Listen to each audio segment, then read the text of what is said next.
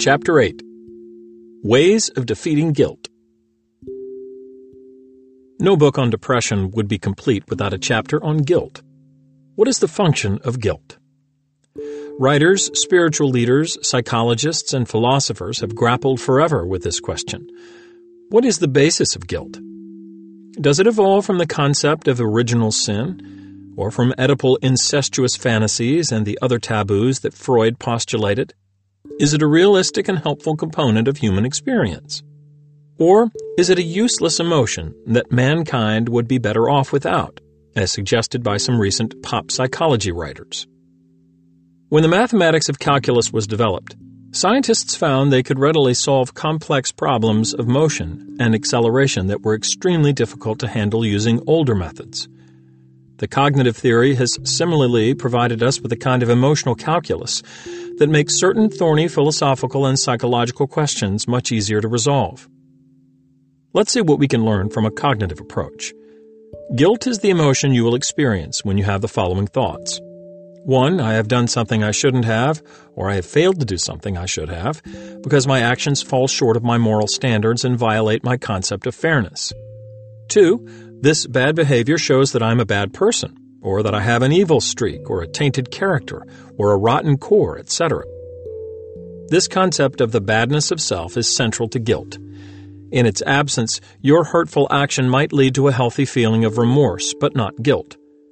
Remorse stems from the undistorted awareness that you have willfully and unnecessarily acted in a hurtful manner toward yourself or another person that violates your personal ethical standards.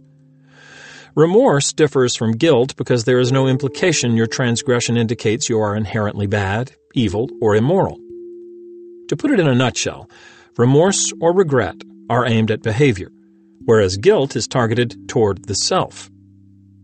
If in addition to your guilt you feel depression, shame, or anxiety, you are probably making one of the following assumptions. 1. Because of my bad behavior, I am inferior or worthless.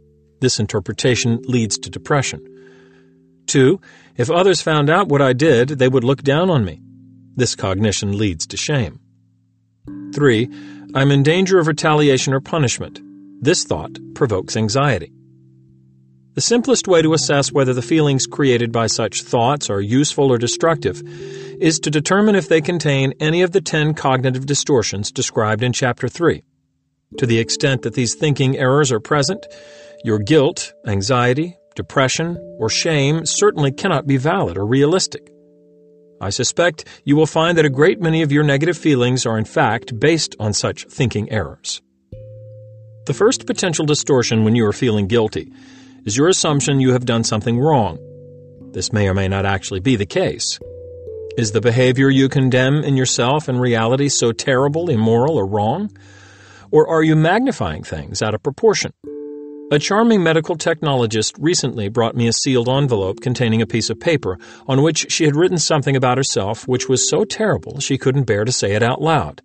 As she trembling handed the envelope to me, she made me promise not to read it out loud or laugh at her. The message inside was, I pick my nose and eat it. The apprehension and horror on her face, in contrast to the triviality of what she had written, struck me as so funny, I lost all professional composure and burst into laughter. Fortunately, she too broke into a belly laugh and expressed a sense of relief. Am I claiming that you never behave badly? No, that position would be extreme and unrealistic. I am simply insisting that to the extent your perception of goofing up is unrealistically magnified, your anguish and self persecution are inappropriate and unnecessary. A second key distortion that leads to guilt is when you label yourself a bad person because of what you did. This is actually the kind of superstitious destructive thinking that led to the medieval witch hunts. You may have engaged in a bad, angry, hurtful action, but it is counterproductive to label yourself a bad or rotten person because your energy gets channeled into rumination and self persecution instead of creative problem solving strategies. Another common guilt provoking distortion is personalization.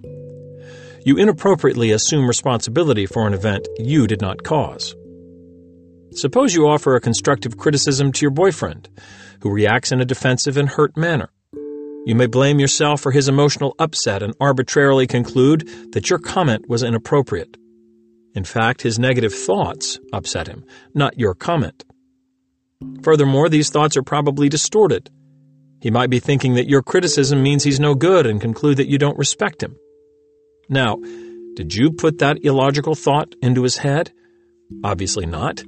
He did it, so you can't assume responsibility for his reaction.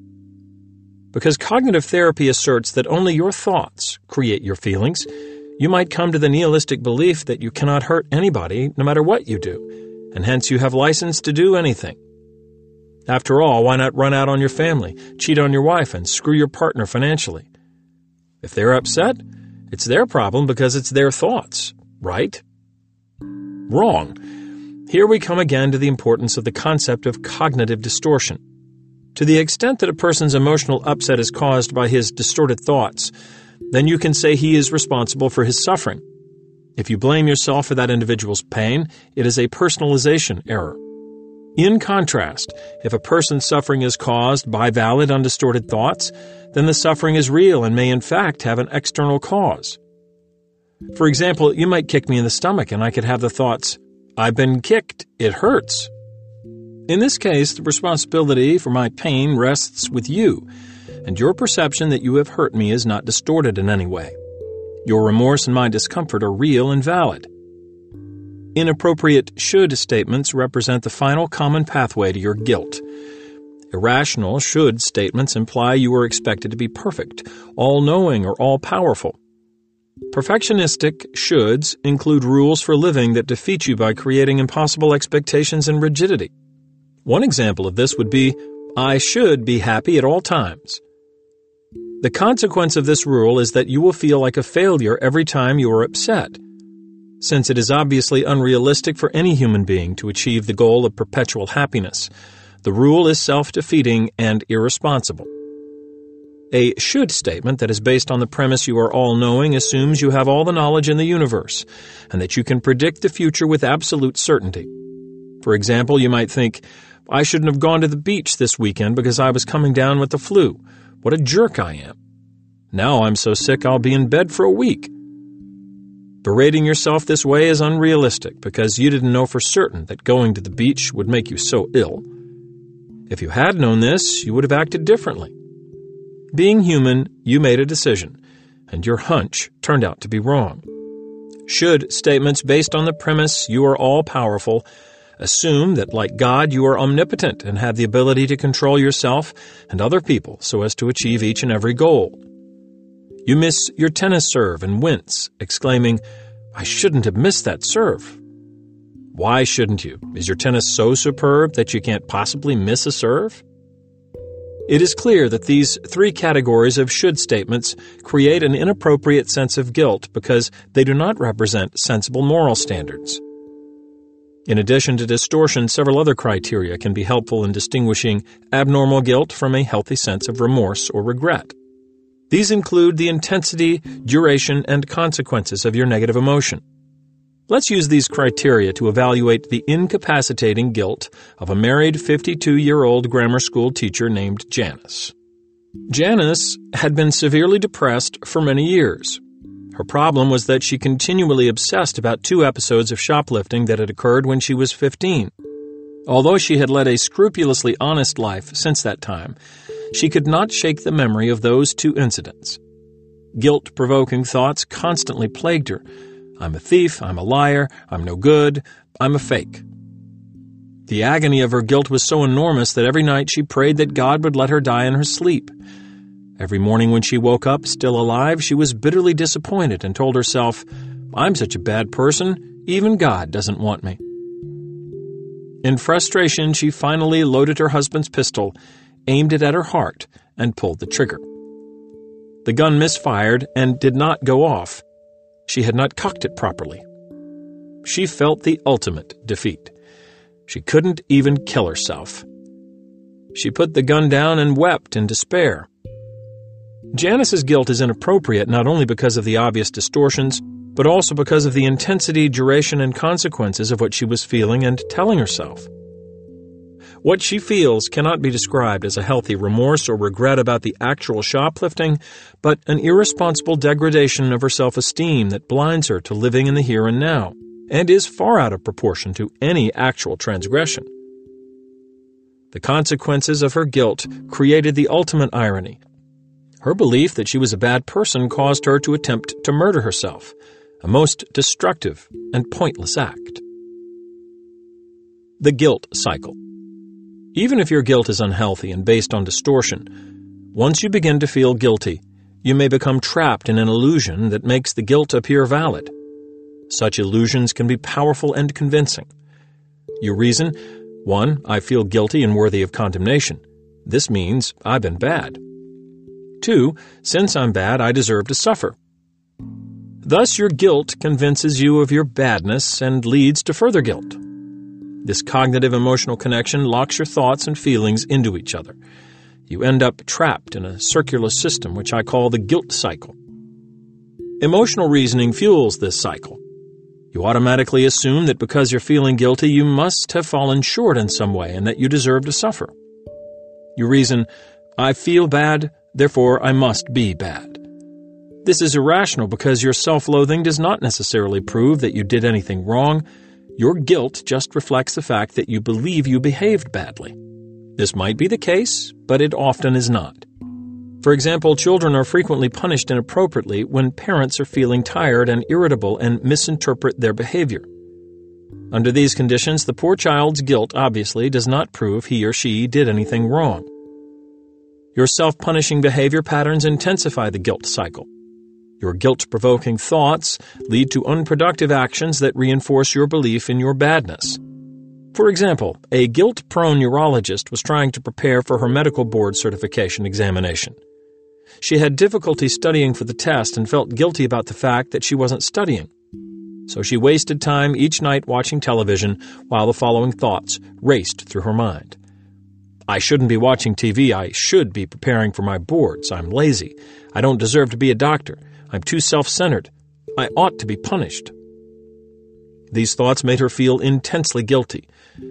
She then reasoned, This guilt proves what a lazy, no good person I am. Thus, her self punishing thoughts and her guilty feelings reinforced each other. Like many guilt prone people, she had the idea that if she punished herself enough, she would eventually get moving. Unfortunately, quite the opposite was true. Her guilt simply drained her energy and reinforced her belief that she was lazy and inadequate.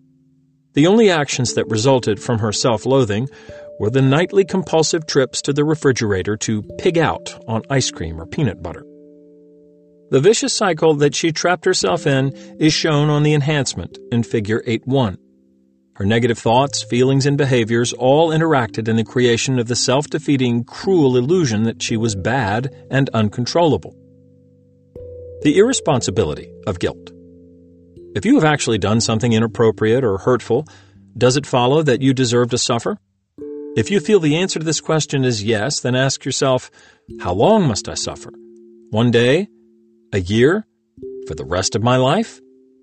What sentence will you choose to impose on yourself? Are you willing to stop suffering and making yourself miserable when your sentence has expired? This would at least be a responsible way to punish yourself because it would be time limited. But what is the point of abusing yourself with guilt in the first place? If you did make a mistake and act in a hurtful way, your guilt won't reverse your blunder in some magical manner. It won't speed your learning processes so as to reduce the chance you'll make the same mistake in the future. Other people won't love and respect you more because you were feeling guilty and putting yourself down in this manner nor will your guilt lead to productive living. So, what's the point? Many people ask, but how could I behave morally and control my impulses if I don't feel guilt? This is the probation officer approach to living. Apparently, you view yourself as so willful and uncontrollable that you must constantly castigate yourself in order to keep from going wild. Certainly, if your behavior has a needlessly hurtful impact on others, a small amount of painful remorse will add to your awareness more effectively than a sterile recognition of your goof up with no emotional arousal. But it certainly never helped anyone to view himself as a bad person. More often than not, the belief that you are bad contributes to the bad behavior. Change and learning occur most readily when you A. Recognize that an error has occurred and B. Develop a strategy for correcting the problem. An attitude of self love and relaxation facilitates this, whereas guilt often interferes. For example, occasionally patients criticize me for making a sharp comment that rubs them the wrong way. This criticism usually only hurts my feelings and arouses my guilt if it contains a grain of truth. To the extent that I feel guilty and label myself as bad, I tend to react defensively. I have the urge to either deny or justify my error or to counterattack because that feeling of being a bad person is so odious. This makes it much more difficult for me to admit and correct the error. If, in contrast, I do not harangue myself or experience any loss of self respect, it is easy to admit my mistake. Then I can readily correct the problem and learn from it. The less guilt I have, the more effectively I can do this. Thus, what is called for when you do goof up is a process of recognition, learning, and change. Does guilt help you with any of these? I don't believe it does. Rather than facilitating your recognition of your error, guilt engages you in a cover up operation. You want to close your ears to any criticism. You can't bear to be in the wrong because it feels so terrible. This is why guilt is counterproductive. You may protest, how can I know I've done something wrong if I don't feel guilty? Wouldn't I just indulge in a blind rampage of uncontrolled, destructive selfishness if it weren't for my guilt? Anything is possible, but I honestly doubt this would happen. You can replace your guilt with a more enlightened basis for moral behavior empathy. Empathy is the ability to visualize the consequences, good and bad, of your behavior. Empathy is the capacity to conceptualize the impact of what you do on yourself and on the other person, and to feel appropriate and genuine sorrow and regret without labeling yourself as inherently bad. Empathy gives you the necessary mental and emotional climate to guide your behavior in a moral and self enhancing manner in the absence of the whip of guilt. Using these criteria, you can now readily determine whether your feelings represent a normal and healthy sense of remorse or a self defeating, distorted sense of guilt. Ask yourself 1. Did I consciously and willfully do something bad, unfair, or needlessly hurtful that I shouldn't have? Or am I irrationally expecting myself to be perfect, all knowing, or all powerful? 2. Am I labeling myself a bad or tainted person because of this action? Do my thoughts contain other cognitive distortions, such as magnification, overgeneralization, etc.? 3. Am I feeling a realistic regret or remorse, which results from an empathetic awareness of the negative impact of my action? Are the intensity and duration of my painful emotional response appropriate to what I actually did? 4. Am I learning from my error and developing a strategy for change? Or am I moping and ruminating non productively or even punishing myself in a destructive manner? Now let's review some methods that will allow you to rid yourself of inappropriate guilty feelings and maximize your self respect. 1. Daily record of dysfunctional thoughts. In earlier chapters, you were introduced to a daily record of dysfunctional thoughts for overcoming low self esteem and inadequacy. This method works handsomely for a variety of unwanted emotions, including guilt. Record the activating event that leads to your guilt in the column labeled Situation. You may write, I spoke sharply to an associate, or Instead of contributing $10, I threw my alumni fundraising appeal in the wastebasket. Then tune in to that tyrannical loudspeaker in your head and identify the accusations that create your guilt. Finally, identify the distortions and write down more objective thoughts. This leads to relief. An example of this is demonstrated in Figure 8.2 as shown on the enhanced portion of this audiobook. Shirley was a high strung young woman who decided to move to New York to pursue her acting career. After she and her mother had spent a long and tiring day looking for apartments, they took a train back to Philadelphia. After boarding, they discovered they had mistakenly taken a train without food service or a lounge car. Shirley's mother began to complain about the lack of cocktail service and Shirley felt flooded with guilt and self criticism. As she recorded and talked back to her guilt provoking thoughts, she felt substantial relief. She told me that by overcoming her guilt, she avoided the temper tantrum she would normally have thrown in such a frustrating situation. See Figure 8 2 from the enhanced portion of the audiobook. 2. Should removal techniques. Here are some methods for reducing all those irrational should statements you've been hitting yourself with. The first is to ask yourself, Who says I should? Where is it written that I should? The point of this is to make you aware that you are being critical of yourself unnecessarily. Since you are ultimately making your own rules, once you decide that a rule is not useful, you can revise it or get rid of it. Suppose you were telling yourself that you should be able to make your spouse happy all the time. If your experience teaches you that this is neither realistic nor helpful, you can rewrite the rule to make it more valid. You might say, I can make my spouse happy some of the time, but I certainly can't at all times. Ultimately, happiness is up to him or her, and I'm not perfect any more than he or she is. Therefore, I will not anticipate that what I do will always be appreciated. In deciding about the usefulness of a particular rule, it can be helpful to ask yourself, what are the advantages and disadvantages of having that rule for myself?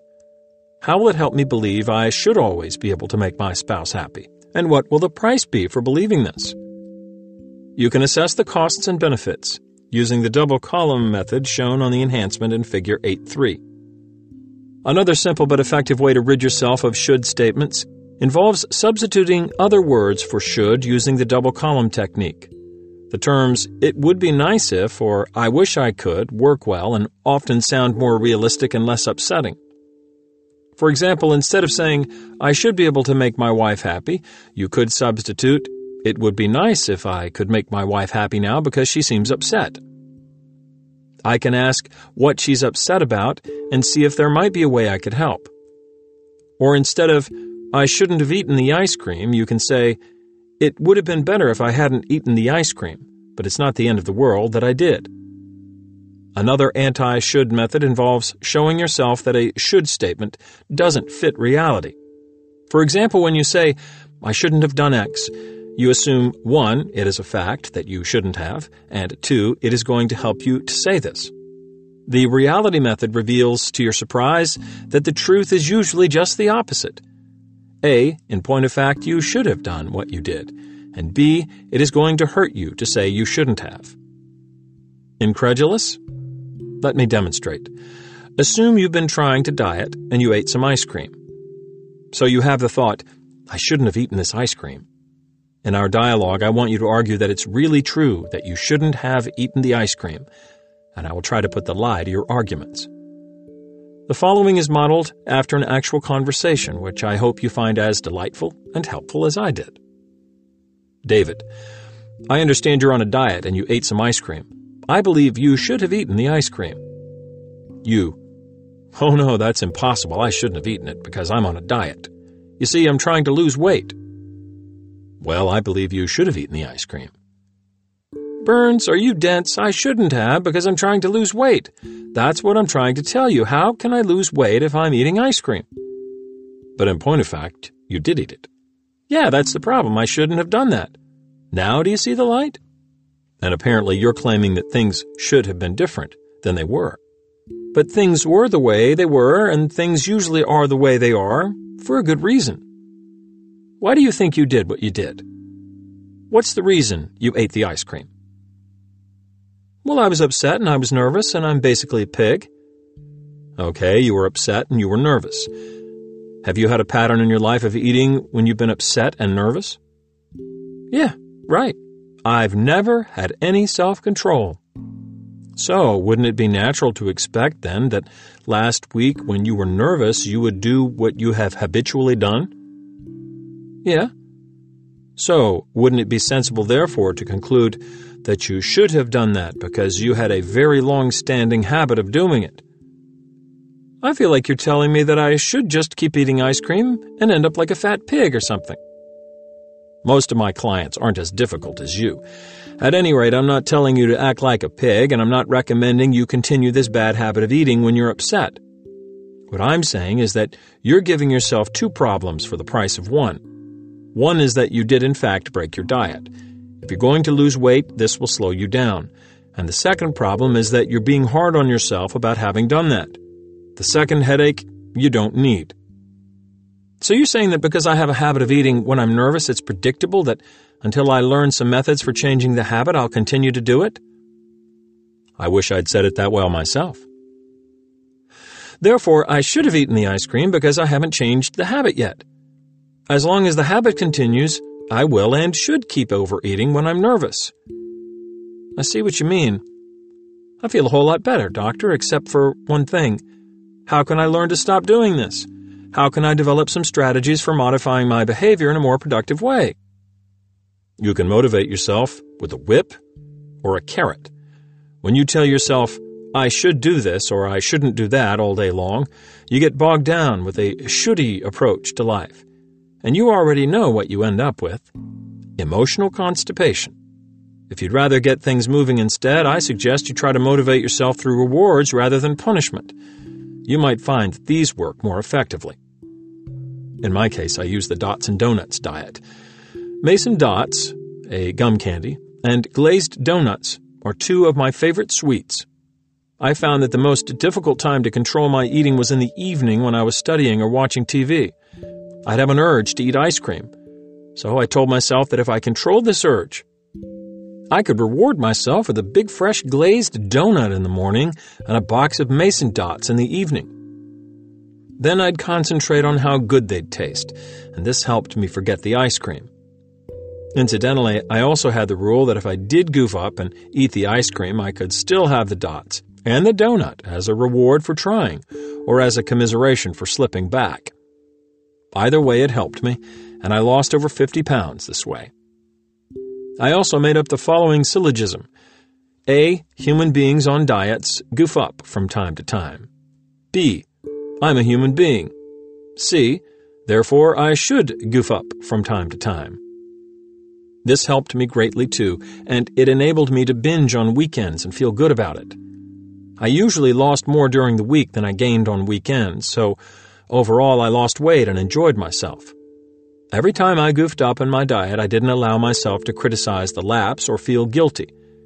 I began to think about it as the binge on whatever you want, whenever you want to, without guilt and enjoy it diet.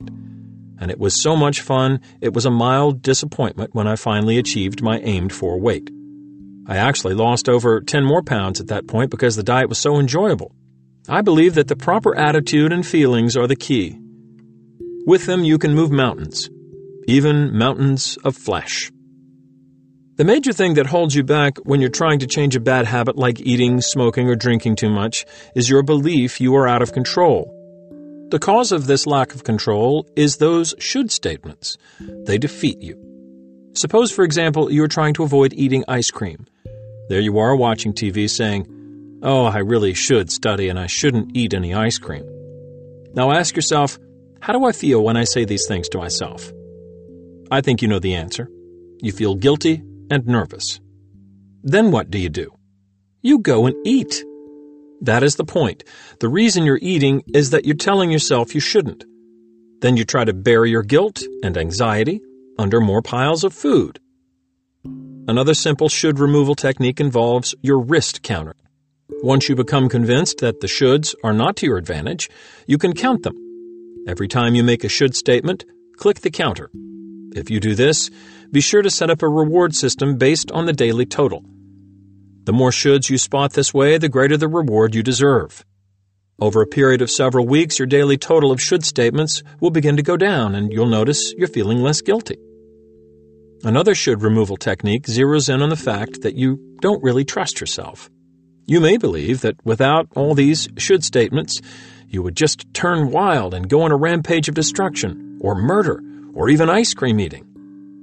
A way to evaluate this is to ask yourself if there was any period in your life when you were particularly happy and felt reasonably fulfilled, productive, and under control. Think it over for a moment before you read on, and make sure you have a mental picture of this time.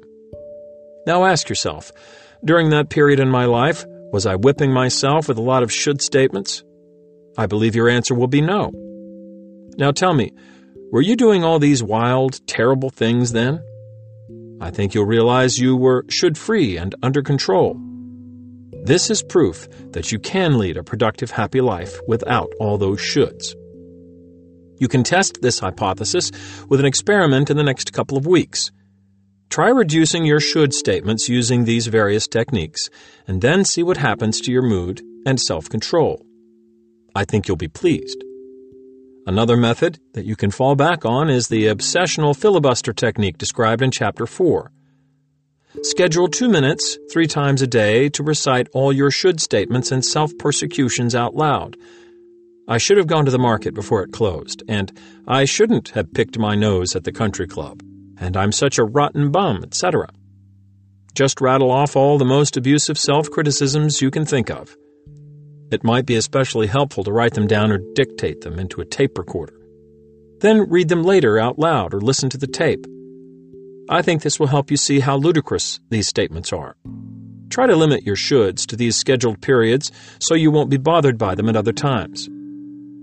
Another technique to combat should statements involves getting in touch with the limits of your knowledge. When I was growing up, I often heard people say, Learn to accept your limits, and you'll become a happier person but no one ever bothered to explain what this meant or how to go about doing it. Furthermore, it always sounded like a bit of a put down, as if they were saying, Learn what a second rate dud you actually are. In reality, it's not as bad as all that. Suppose you frequently look into the past and mope about your mistakes. For example, as you review the financial section of the paper, you tell yourself, I shouldn't have bought that stock, it's gone down two points. As a way out of this trap, ask yourself Now, at the time I bought the stock, did I know it was going to go down in value? I suspect you'll say no.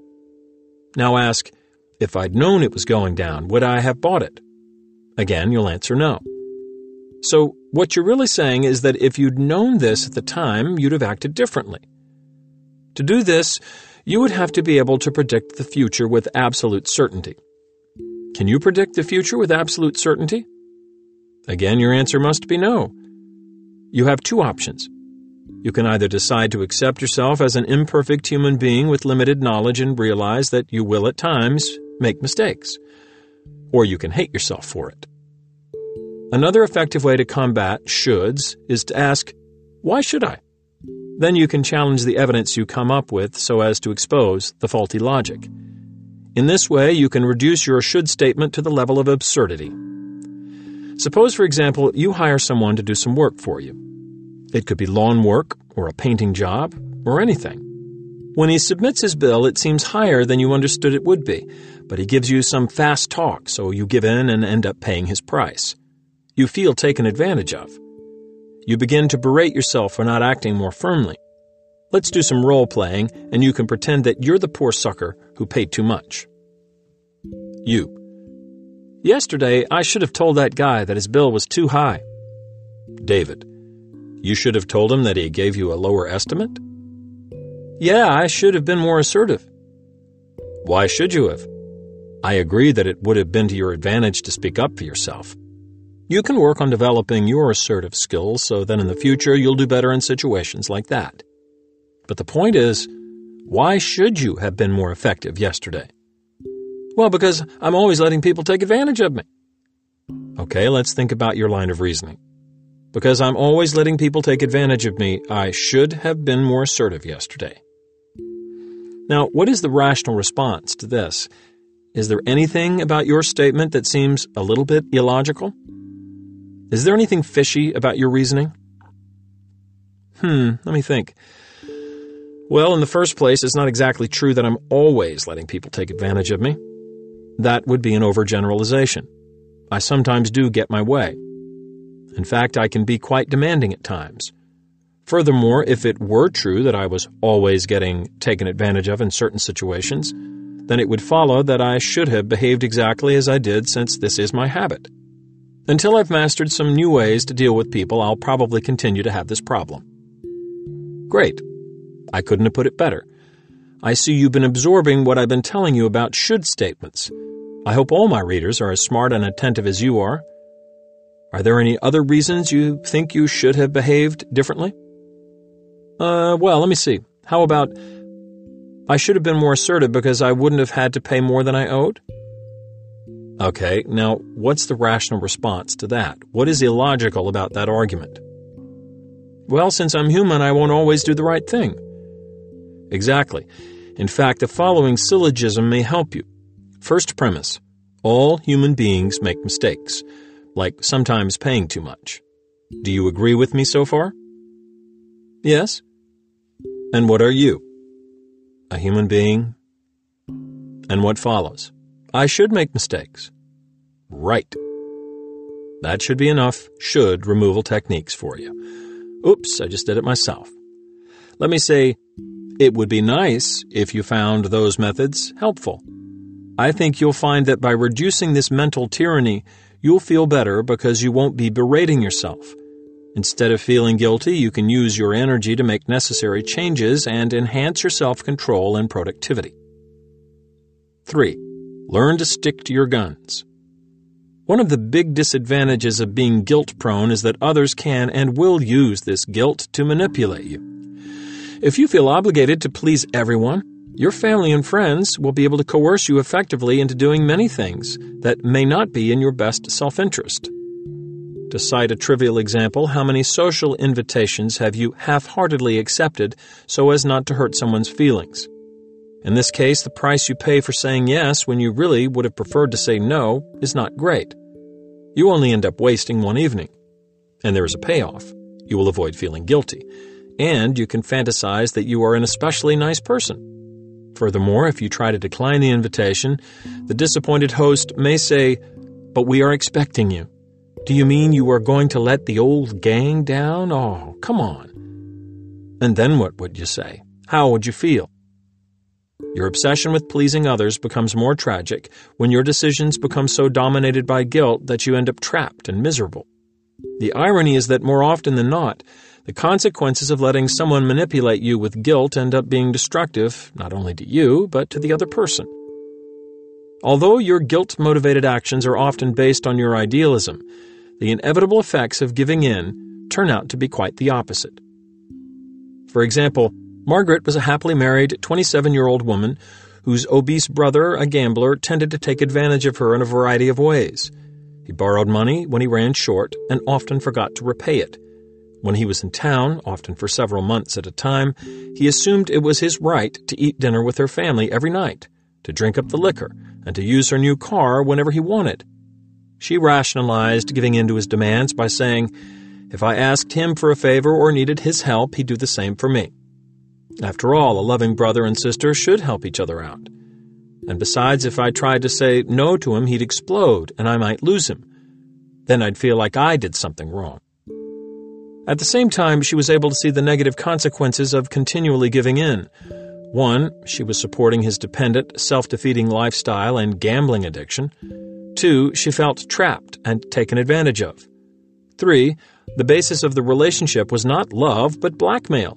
She was constantly having to say yes to his demands to avoid the tyranny of his temper and her own sense of guilt. Margaret and I did some role playing so she could learn to say no and stick to her guns in a tactful but firm manner. I played Margaret's role and she pretended to be her brother. Brother, played by Margaret. Are you using the car tonight? Margaret, played by me. I'm not planning to now. Do you mind if I borrow it later? I'd prefer that you don't. Why not? You're not going to use it. It'll just be sitting there. Do you feel I'm obliged to loan it to you? Well, I'd do the same for you if I had a car and you needed it. I'm glad you feel that way. Although I'm not planning to use the car, I'd like to have it available in case I decide to go somewhere later on. But you're not planning to use it. Haven't we been brought up to help each other? Yes, we have. Do you think that means I always have to say yes to you? We both do a great deal for each other. You have made a lot of use of my car, and from now on, I'd feel more comfortable if you'd begin to arrange your own transportation. I'm just planning to use it for an hour, so I get it back in case you need it. It's very important, and it's only a half mile away, so I won't wear your car out. Don't worry. It sounds like it is something important to you. Perhaps you can arrange some other transportation. Could you walk that distance? Oh, that's fine. If that's how you feel, don't come to me for any favors. It sounds like you're pretty mad because I'm not doing what you want. Do you feel I'm always obliged to say yes? You and your philosophy. Shove it. I refuse to listen to any more of this hogwash, begins to storm off. Let's not talk about it any further then. Maybe in a couple of days you'll feel more like talking about it. I think we do need to talk things over. After this dialogue, we reversed roles so that Margaret could practice being more assertive. When I played her brother's role, I gave her as tough a time as I could and she learned how to handle me. This practice boosted her courage. She felt it was helpful to keep certain principles in mind when standing up to her brother's manipulations. These were 1. She could remind him it was her right not to say yes to all his demands. 2. She could find a grain of truth in his arguments, the disarming technique, so as to take the wind out of his sails. But she could then come back to her position that love did not mean always giving in. 3. She was to adopt a strong, decisive, and uncompromising position as tactfully as possible. 4. She was not to buy into his role as a weak, inadequate little boy who couldn't stand on his own feet. 5. She was not to respond to his anger by getting angry herself, because this would reinforce his belief he was a victim who was being unjustly deprived by a cruel, selfish witch. 6. She had to risk the possibility he would temporarily withdraw and thwart her by refusing to talk to her or to consider her point of view. When he did this, she was to let him storm off, but she could let him know there were some things she wanted to talk over with him later on when he was more in the mood to communicate. When Margaret did confront him, she found he was not nearly as tough a customer as she imagined. He actually seemed relieved and began to act more adult when she put some limits on the relationship. If you choose to apply this technique, you will have to be determined to stick to your guns because the other guy, or gal, may try to bluff you into believing that you're mortally wounding them by not giving in to their requests. Remember that the hurt you inflict in the long run by not following your best self interest is usually far greater. Practicing ahead of time is the key to success. A friend will usually be happy to role play with you and provide some useful feedback. If such a person is not available to you, or you feel too shy to ask, write out an imaginary dialogue of the type illustrated. This will go a long way to firing up the appropriate circuits in your brain so you'll have the necessary courage and skill to say no diplomatically but forcefully and to make it stick when the time actually comes. 4. anti-whiner Technique. This is one of the most surprising, delightfully effective methods in this book. It works like a charm in situations where someone, usually a loved one, makes you feel frustrated, guilty, and helpless through whining, complaining, and nagging. The typical pattern works like this the whiner complains to you about something or someone. You feel the sincere desire to be helpful, so you make a suggestion. The person immediately squashes your suggestion and complains again. You feel tense and inadequate, so you try harder and make another suggestion. You get the same response. Anytime you try to break loose from the conversation, the other person implies he or she is being abandoned, and you are flooded with guilt. Shiba lived with her mother while she completed graduate school. Shiba loved her mother, but found her constant harangues about her divorce, the lack of money, etc., so intolerable she sought treatment. I taught her the anti whiner method the first session as follows. Regardless of what her mother said, Shiba was to find some way to agree, the disarming technique, and then instead of offering advice, she was to say something genuinely complimentary. Shiba initially found this approach astonishing and rather bizarre because it differed radically from her usual approach. In the following dialogue, I asked Shiba to play the role of mother while I played her role so I could demonstrate this technique. Shiba, as her mother. Do you know that during the divorce proceedings it came out that your dad sold his share in the business and I was the last person to know about it? David, uh, as Shiba. That's absolutely correct. You didn't hear about it until the divorce proceedings. You really deserve better. I don't know what we're going to do for money. How am I going to put your brothers through college? That is a problem. We are short on money. It was just like your father to pull something like this. His head isn't screwed on straight. He never was too good at budgeting.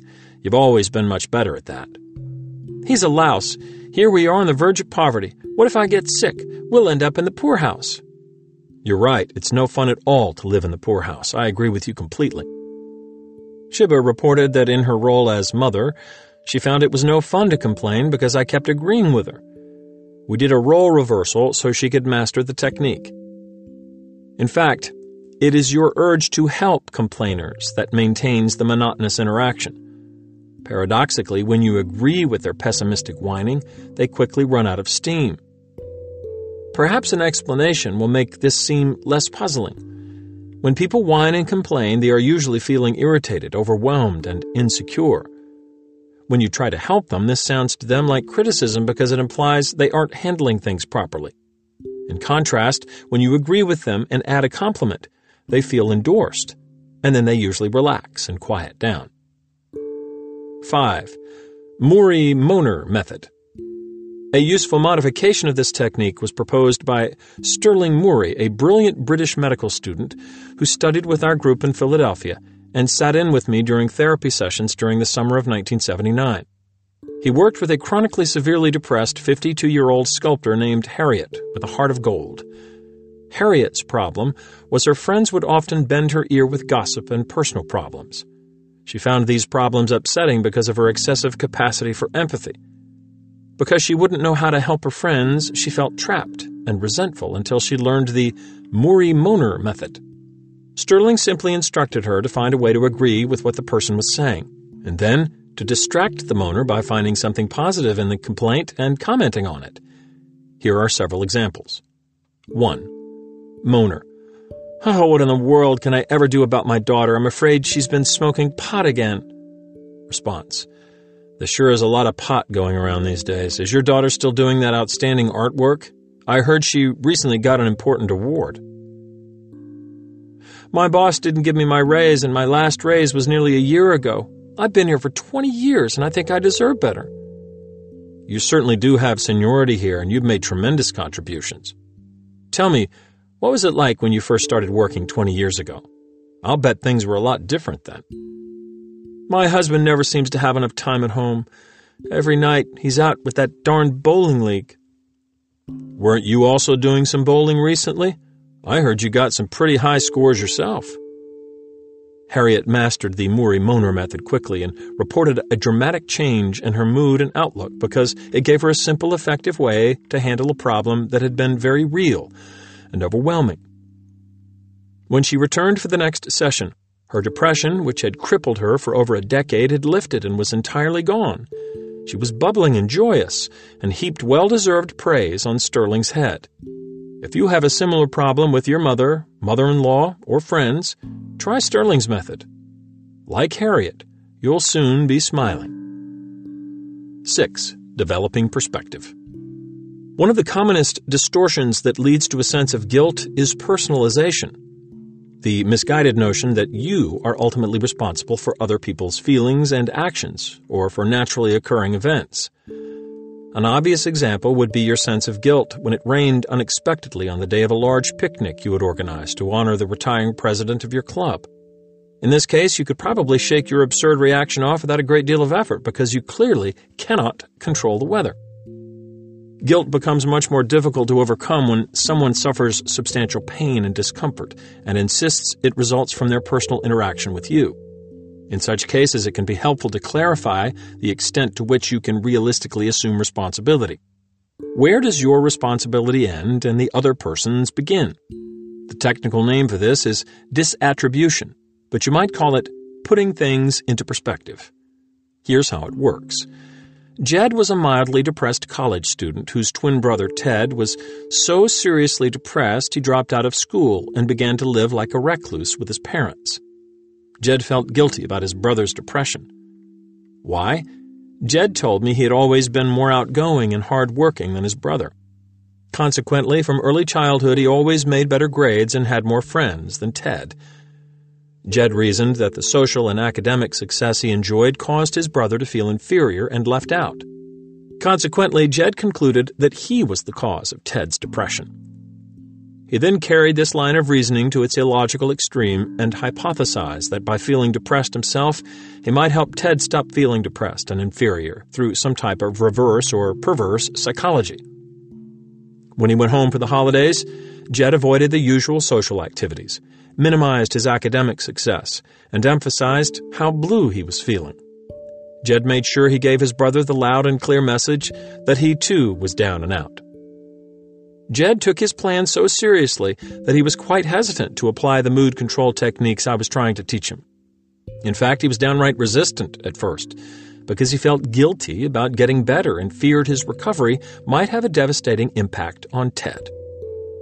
Like most personalization errors, Jed's painful illusion that he was at fault for his brother's depression contained enough half truths to sound persuasive.